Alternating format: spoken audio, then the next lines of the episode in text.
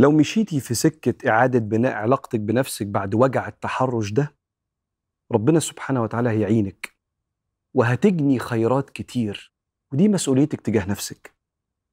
الخير الأولاني هو حماية إحساس الرضا عن الله لأن الشيطان هنا بيبقى شاطر شوية. لما حد بيحصل له حاجة فيها اعتداء أو آه، كأن بني آدم اتمكن منه أذاه في جسمه ولا في فلوسه ولا في مشاعره بيحصل سؤال ليه يا رب؟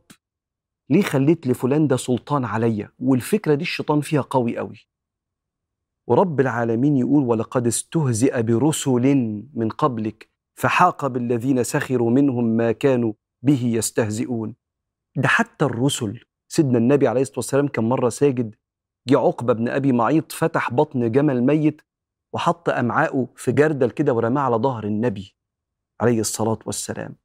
فقد يحدث شيء في الدنيا من إيذاء الشراني لأهل الخير لكن ربنا موجود معانا وهو اللي هيحمينا إن الله يدافع عن الذين آمنوا. ومن عادى لي وليا فقد آذنته بالحرب. لازم أبقى متأكد إن رب العالمين يغضب لغضبي وينتصر لضعفي. فلما أفكر نفسي وأبدأ أمشي في رحلة التعافي أحافظ على قلبي ورضاه تجاه ربنا سبحانه وتعالى. الحاجة التانيه المهمة من الخيرات اللي هتجنيها بعد رحلة التعافي هو استمرار الحياة.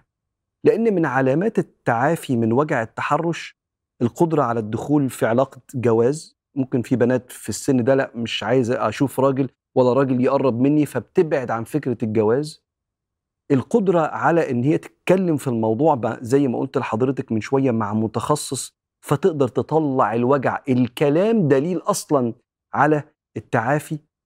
فلما البني آدم يقدر يستمر في جوانب حياته لأن أنا كنت بقرأ إحصائية إن بعض وقائع التحرش اللي بتحصل في الشغل هي أحد أكبر أسباب تغيب بعض البنات عن الشغل لأنها كرهت المكان وكرهت الناس وكرهت صنف الرجالة.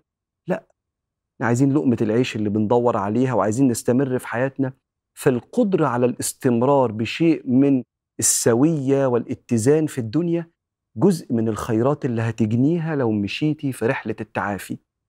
وأهم حاجة نعرف إن الملك دائما عنده العوض. وربك خلى سيدنا النبي عليه الصلاة والسلام يقول لأي حد عنده حاجة وجعته وكأن في شيء كده إيه آه، حصل له يشبه المصيبة أو الألم يقول إنا لله وإنا إليه راجعون. اللهم أجرني في مصيبتي واخلفني خيرا منها.